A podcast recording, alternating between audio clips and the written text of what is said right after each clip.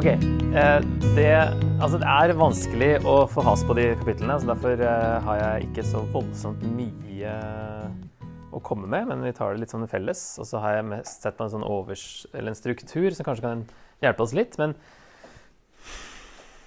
vi kan kanskje oppsummere det som at det handler om altså, hvordan leve ut Guds vilje. Og det, det, har vi sett på strukturen for hele boka, at det passer jo på en måte med progresjonen. At etter frelsen så kommer det vanlige livet. Hvordan lever vi nå? Og her er det jo frelsen som ut fra eksil, men òg denne åndelige frelsen som, som Herrens tjener sørger for. Og så er det da livet etter eksilet, og også livet etter åndelig frelse, da. Og det var jo det at det slutta jo så fint i kapittel 55. ikke sant? Der er det jo Eh, dere uten penger, kom og kjøp korn og spis, i vers 1. Kom, kjøp korn uten penger, vin og melk uten betaling. Um, og at det er liksom gratis. ikke sant? Det er nåden. Jeg vil slutte en evig pakt med dere, sier han i vers 3. Min godhet mot David står fast. Og så har liksom Nåden har kommet. Dette, her er vi frelsen. Og så, og så uh, ville jo det vært en fin slutt på boka, men ikke så fin slutt som den får. men, men du kunne jo slutta der.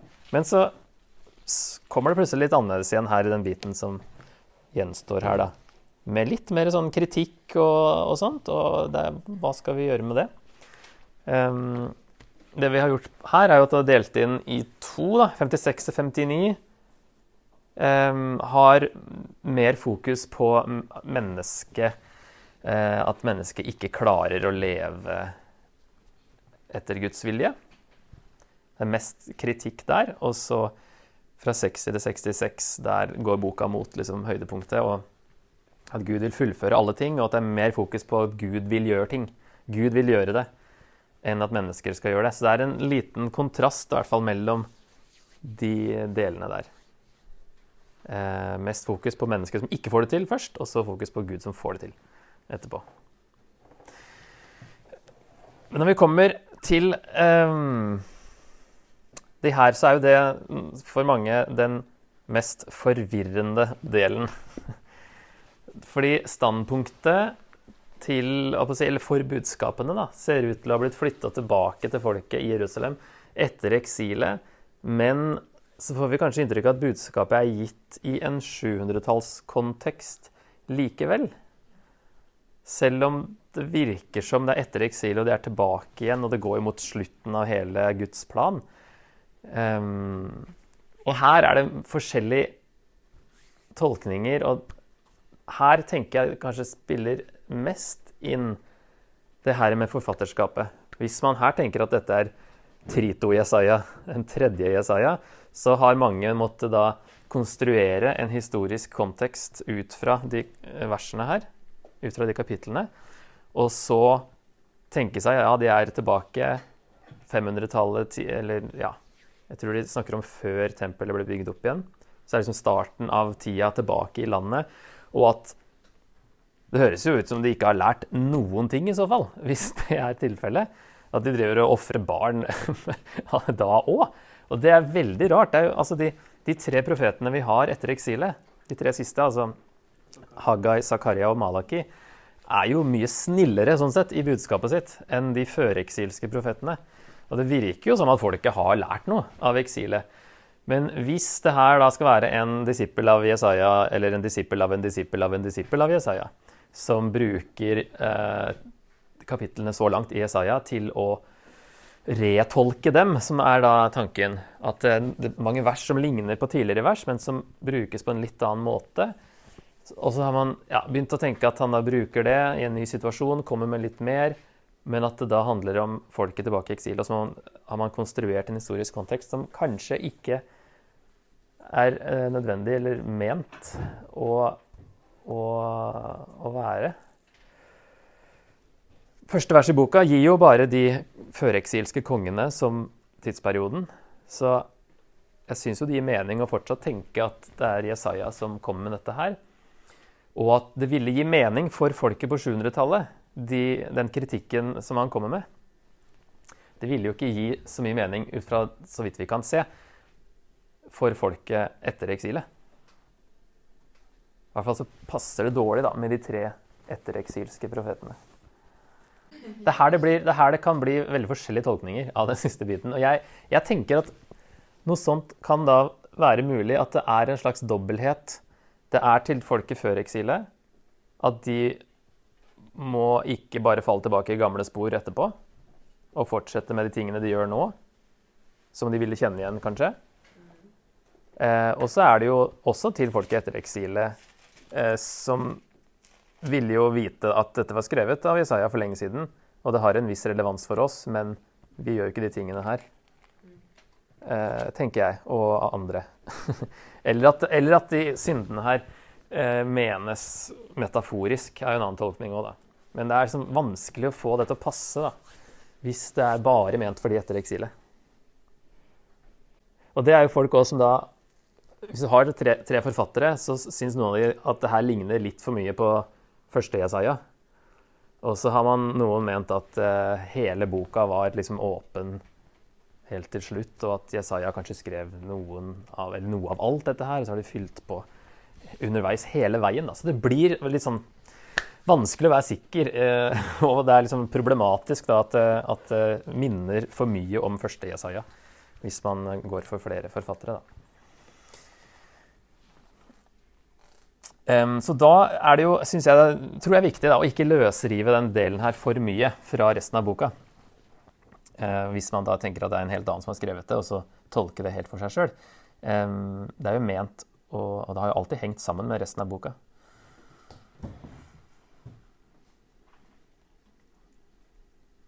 Et vers da, som kanskje kan hjelpe oss litt, er 65,5. Alltid gjør folket meg rasende, like opp i ansiktet. De ofrer slaktoffer i hagene og brenner røykoffer på teglstein. De holder til i gravene og overnatter på skjulte steder. De spiser svinekjøtt og koker suppe på urent offerkjøtt. De sier, hold deg unna, kom ikke nær meg, for jeg er hellig for deg. Slike er røyk i nesen på meg, en ild som brenner hele dagen. Så det virker som at de, de gjør ikke noe eh, riktig, men likevel ser på seg sjøl som hellig. For hedningene. Ikke, ikke, kom nær meg, jeg er hellig. Jeg er hellig fordi jeg er utvalgt, fordi jeg er Guds folk. Og at det, eh, kan være noe av det som ligger bak at Jesaja har med den biten her, at når de kommer tilbake, så må ikke de da bli for høye på pæra. Og tenke at og Gud har jo redda oss ut, han har oppmuntra oss i ni kapitler om hvor mye han elsker oss. og mer enn det, for så vidt, men altså spesielt 40 48. Og at de da liksom Å, han har redda oss ut fordi vi er hans folk. Og så blir de liksom bare værende der og uh, ikke tenke på hvordan de lever. Er kanskje noe av tanken. Det er jo relevant for oss også. At vi er ikke frelst bare for å juble over frelsen, men vi er frelst for å brukes av Gud. Og til å leve den ut. Så det handler jeg tror vi kan si det at, eller i hvert fall en god forklaring da, på at det handler om å leve det ut, det som har vært til nå. Så det er på en måte en slags anvendelse, delvis, av hele boka så langt. Fordi vi hadde jo grunnlaget i kapittel 1 til 39, altså det å stole på Gud. Og så fikk vi motivasjonen i kapittel 40 til 48. Og så fikk vi middelet, hvordan dette blir mulig, i 49 til 55. Og da tenker man kanskje at Hvis det er en progresjon i hele boka, så det som gjenstår da, er på en måte livet videre og målet, som også kommer her, da, som vi så i kapittel 2 allerede. ikke sant? Det kommer tilbake nå i mye større beskrivelse. da. Så det er på en måte da livet etter eh, frelsen, på en måte, hvis vi ser en sammenheng sånn i hele boka. Det som er interessant, er jo at i kapittel 40 53 så nevnes Herrens tjener, altså entall, 19 ganger i denne oversettelsen her, 2011, og aldri i flertall. Fra 54-17 nevnes Herrens tjenere bare i flertall og aldri i entall. Så her skjer det et eller annet med at Herrens lidende tjener, som vi snakka om, blir eh, gjør det mulig da, for andre å bli Herrens tjenere. Den første gangen det er flertall, er jo i 54-17, som vi så på, tror jeg, Dette er, herren, nei, dette er arven Herrens tjenere får. Rettferdigheten jeg gir dem, sier Herren. Sist, helt på slutten der, i kapittel 54. Og, vers 17, ja. Og da er det jo eh, Fra nå, fra det, det, verset der, så er det altså aldri i entall lenger, bare i flertall. Og fram til nå så har det bare vært i entall og aldri i flertall. Så det er et tydelig skifte, da. At tjener, Herrens tjener går fra entall til flertall. Um, de versene i parentes er de forekomstene i hvert fall jeg fant i 56.6. De fremmede som har sluttet seg til Herren, og som vil gjøre tjeneste for ham, og elske Herrens navn, være hans tjenere. Og der er faktisk de fremmede, altså utlendinger, da, som blir Herrens tjenere. 61, 6. Men dere skal kalles Herrens prester, tjenere for vår Gud skal dere hete. Og så er det fire ja, noen forekomster i 65 og 66 også.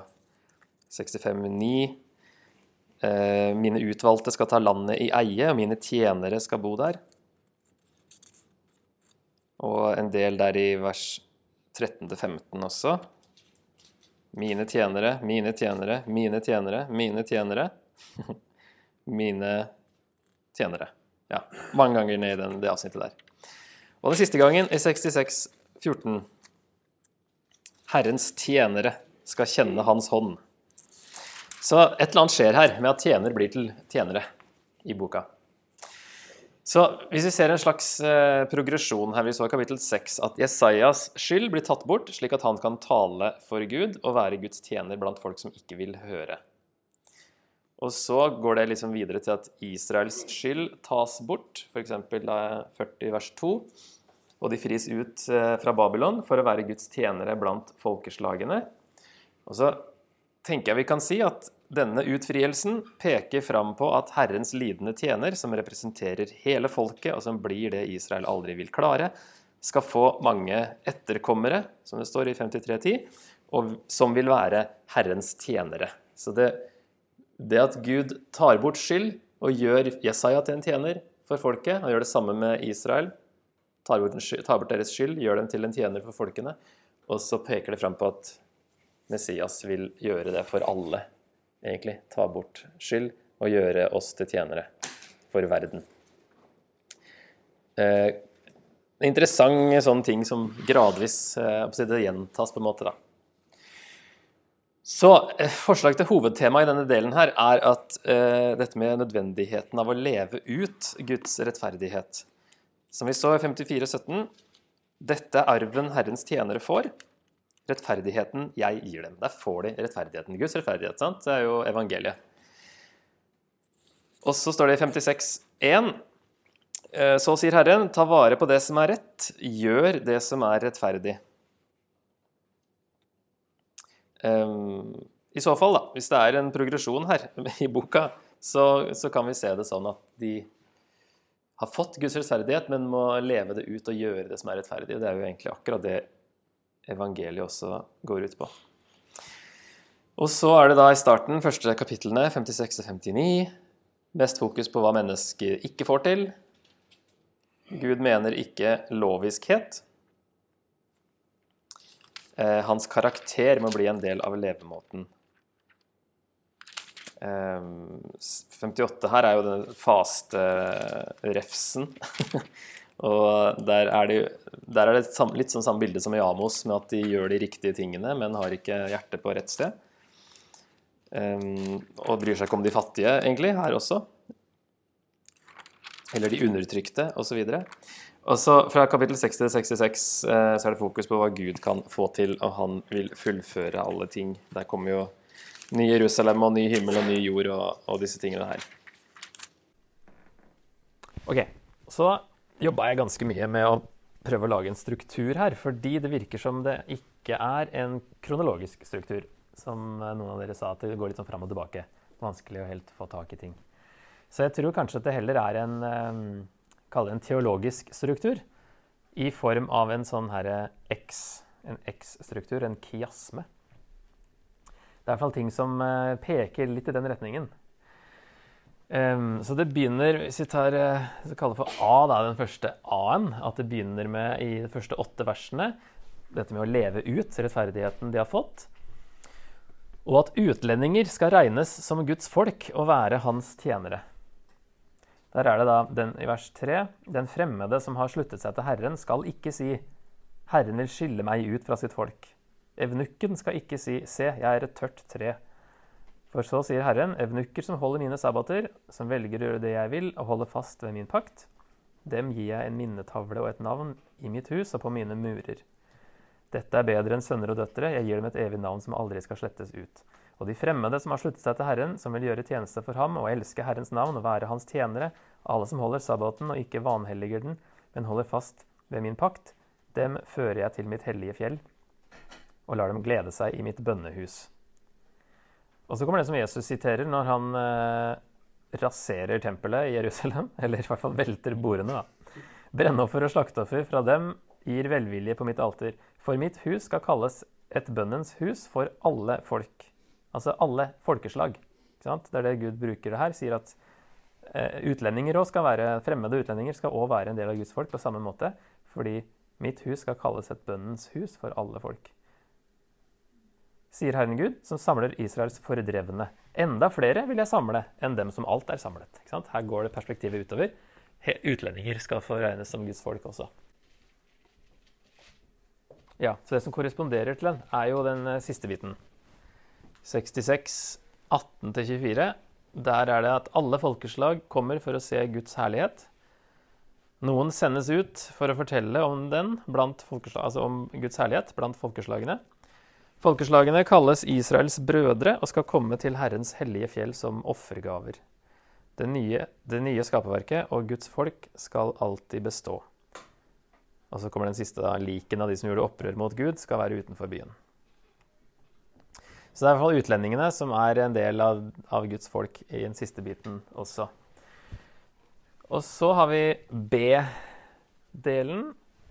Der handler det om Israels synd i 56,9 til 59,14. Og det er deres synd som skiller dem fra Gud, sier Gud. Og de har blinde ledere. Og så er det positivt inni der at Herren helbreder den som er knust i ånden. Den som si, bøyer seg for Gud og omvender seg. Eh, og så er det snakk om rett faste og rett sabbat. Og så kommer det delvis, da. Det er i hvert fall snakker om synd igjen i den andre B-en her nede i 63.7 til 66.17. Der folket innser sin synd, de omvender seg og ber om frelse. Herren straffer det trassige folket, men en rest blir igjen og skal bli velsignet og juble. Så det er en progresjon mot slutten. ikke sant? At det er mer positivt her. Men har, de omvender seg fra den synden som kanskje beskrives mest her oppe i den første B-en. da. En ny himmel og en ny jord. Herrens tjenere skal bo i det nye Jerusalem. Ikke mer gråt, ingen dør tidlig. Pakts velsignelser, fred, ikke ondskap eller ødeleggelse på Herrens hellige fjell. Som kommer av at de omvender seg. Så det er jo en, De snur om, da, på den første. Så sånn, det er jo ikke en uh, gjentagelse, det som skjer, men en, en viss sammenheng og en, en uh, progresjon. Så har vi C. I 59, 15-21 så Herren griper inn med hevn og frelse. Han skal løse ut Sion. Hans ånd skal være over dem. Der er det faktisk plutselig snakk om Guds ånd som kommer. Men her er det litt sånn eh, voldelige bilder av eh, Gud som en kriger som griper inn fordi ingen andre griper inn. Og så er det både hevn og frelse. ikke sant? Dom er eh, både positivt og negativt. Det spørs hvilken side du står på. Han skal løse ut Sion. Altså Sion er jo nå et fra Er det fra kapittel 49 at det begynte å brukes mer eh, om Guds folk. Og så er det jo en viss metafor i det òg, som brukes i eh, hebreerne f.eks. Der han sammenligner Sinai og Sion. Så Sion var jo egentlig tempelhøyden i Jerusalem, men brukes om Guds folk da, som et bilde. Så han skal løse ut Guds folk. Hans ånd skal være over dem. Og det korresponderer med 63 1-6. Herren dømmer alle folkeslag. Igjen representert ved Edom, som det var tidligere i boka. En som kommer og har eh, dømt alle, men bare Edom nevnes. på hevnens dag. Altså hevn nevnes igjen, sånn som oppe her, og løse ut nevnes. Så det er i hvert fall noen ord som går igjen, og det er litt sånne voldelige bilder som, som beskrives. da, At Gud dømmer. Tråkke vindruer og sånt, det, og det er jo sånne domsmetaforer eh, som brukes flere ganger i Bibelen. Ok, Så det vi sitter igjen med da som sentrum, og som eh, da er eh, kanskje det viktigste Hvis det stemmer, denne strukturen her, så er det kapittel 60 til 62, der folkeslagene går mot det nye Jerusalems lys. Det er åpne porter, folkeslagenes rikdom kommer, det er ingen vold. Herren er lyset og herligheten. Det er også ting i, som dukker opp i hans oppmaring. Åpne porter òg. Veldig mye her som, som, brukes der. Alle er rettferdige, og de eier landet til evig tid.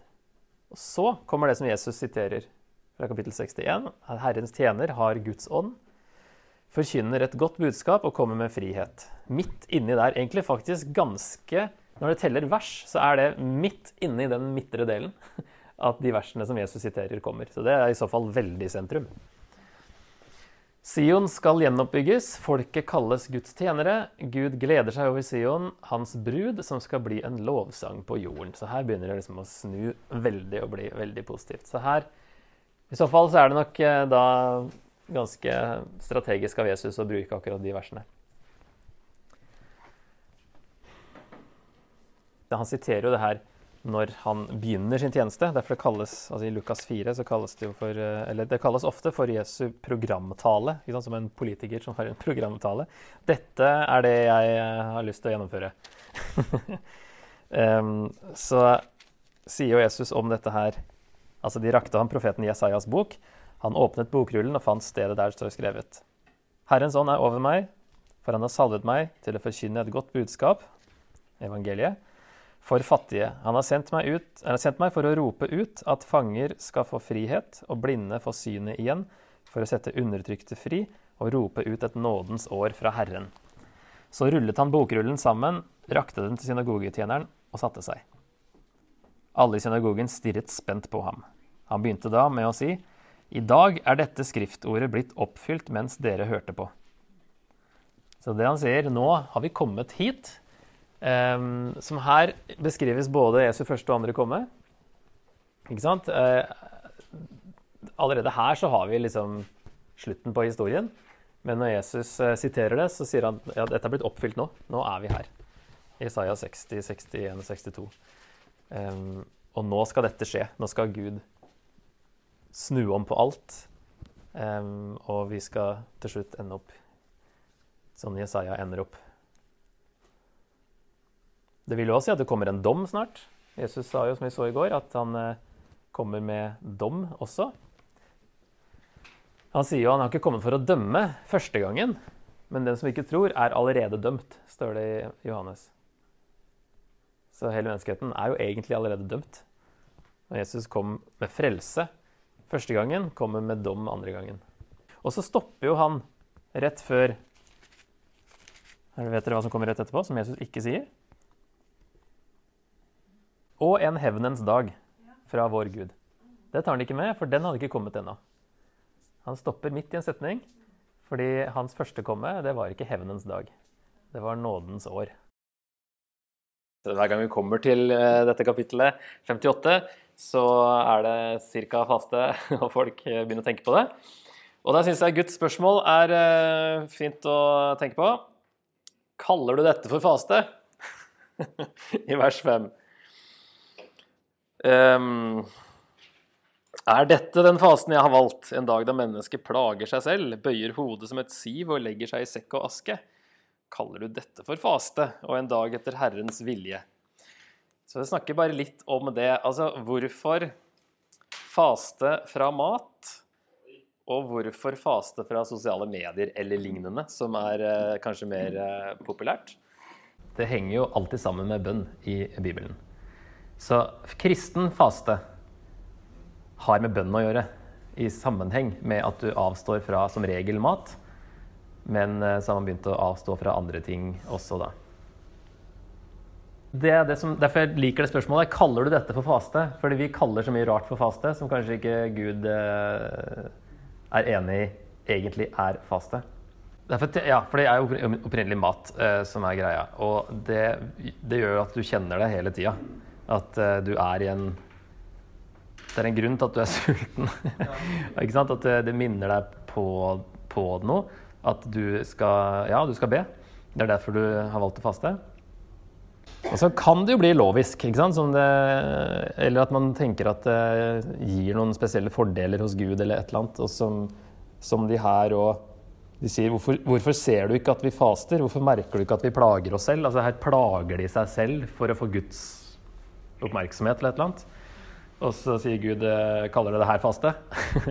og det de gjør feil er jo, altså, Han svarer jo vers 6 Nei, dette er fasten jeg har valgt. Å løse urettferdige lenker, sprenge båndene i åket, sette undertrykte fri. Så er det Det er viktigere å eh, ta vare på de undertrykte enn å utføre denne fasten riktig. Eller at det ser riktig ut, da.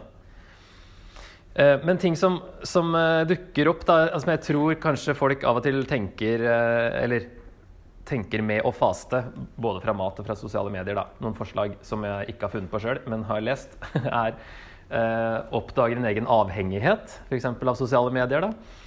Setter mer pris på det skapte, altså skaperverket, ved å ikke holde på med skjermen så mye.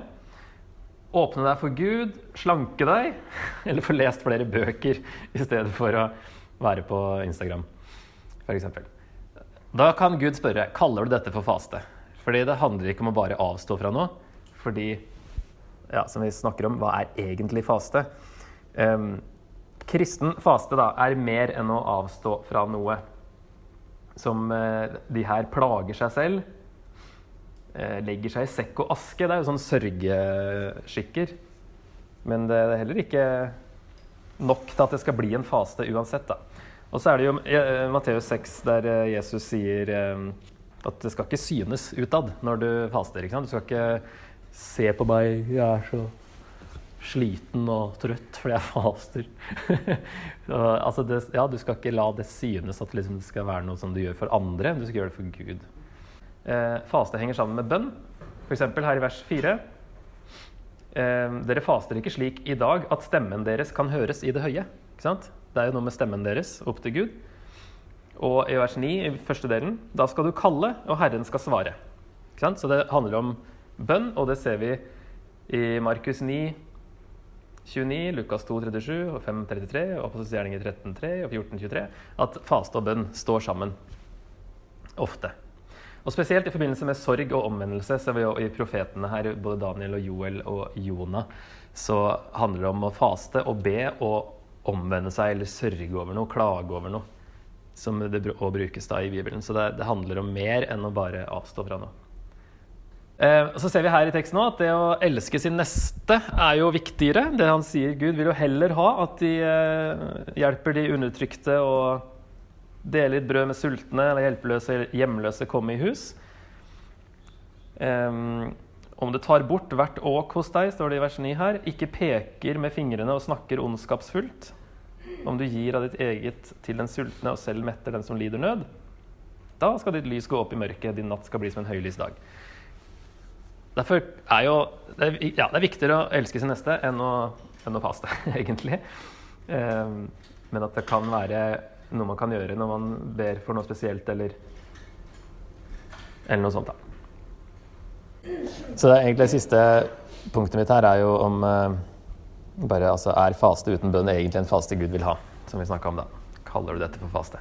Så må bare gå raskt eh, på det siste her, for det var litt eh, raskt blikk da, på den uh, aller siste biten. Kanskje ja, dette med nye Jerusalem og at uh, ny himmel og ny jord.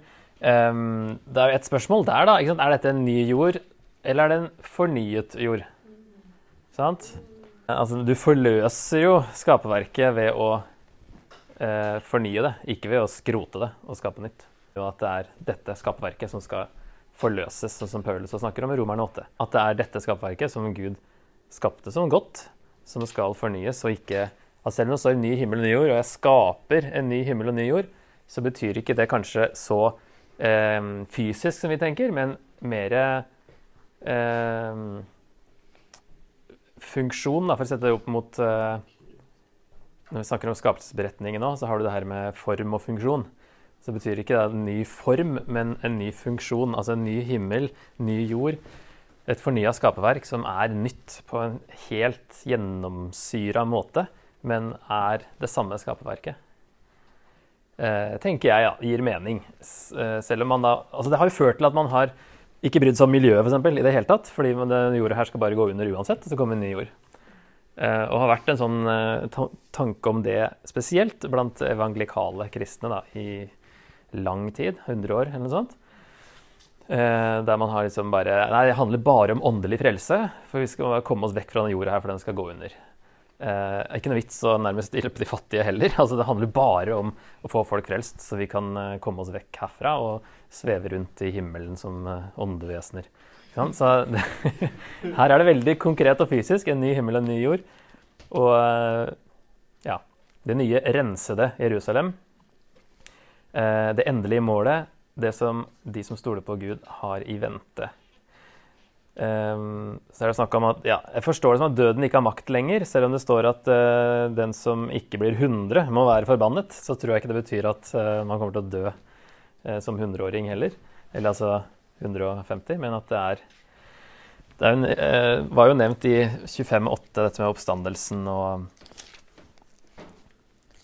Og at Skal vi se hva det sto da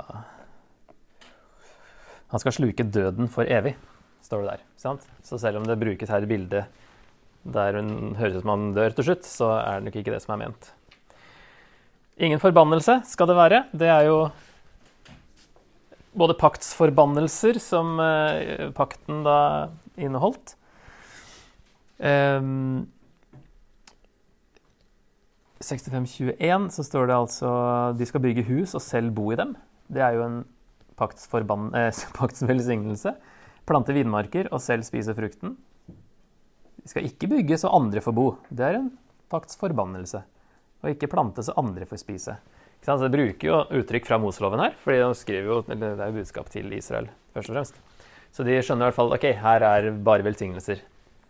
Og åpenbaringen nå sier det at det skal ikke være noe forbannelse mer. Og det går jo også helt tilbake til første Mosebok 3, da hele jorden ble forbannet pga. synden. Så 66, den siste biten der, så er det da eh, Setter et tegn i vers 19 blant dem og sender noen av dem, noen av dem som er berget, ut til folkeslagene i Tashis, Put, Lud, Meshek med buen, Tubal og Javan, til de fjerne kystene som ikke har hørt rykte om meg, og som ikke har sett min herlighet. Så er jo det eh, ord eller steder som ville for dem være liksom yttergrensene av det de kjente til. Da. Så eh, det er jo et bilde på alle folkeslag og langt bort i alle retninger, og at noen av dem som har eh, blitt samlet, skal gå ut. Så her har vi misjonsbefalingen, eller misjonsforutsigelsen. At de skal gå ut og fortelle om Guds herlighet. Um, ja, og at folkeslagene kalles Israels brødre.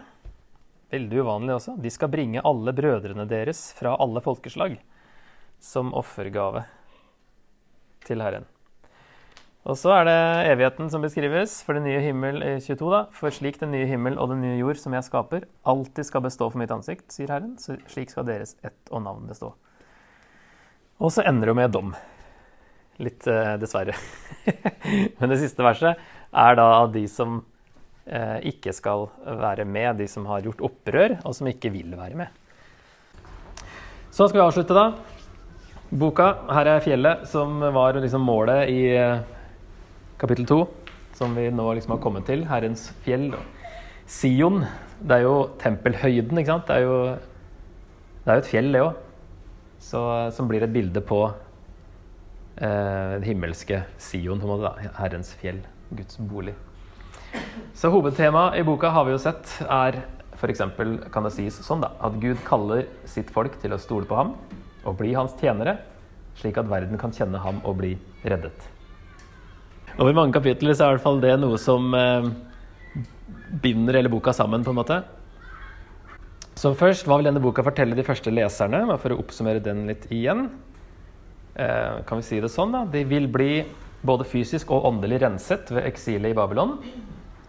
Og det er viktig at de har riktig fokus og holder seg til Gud etter eksilet, og ikke faller tilbake i gamle spor. Så de kan være Herrens tjenere slik han hele veien har tenkt, slik at verden kan kjenne Gud og bli reddet. En lang setning. Og så hvis vi tenker, løfter det ut da, til oss, hva vil denne boka fortelle oss?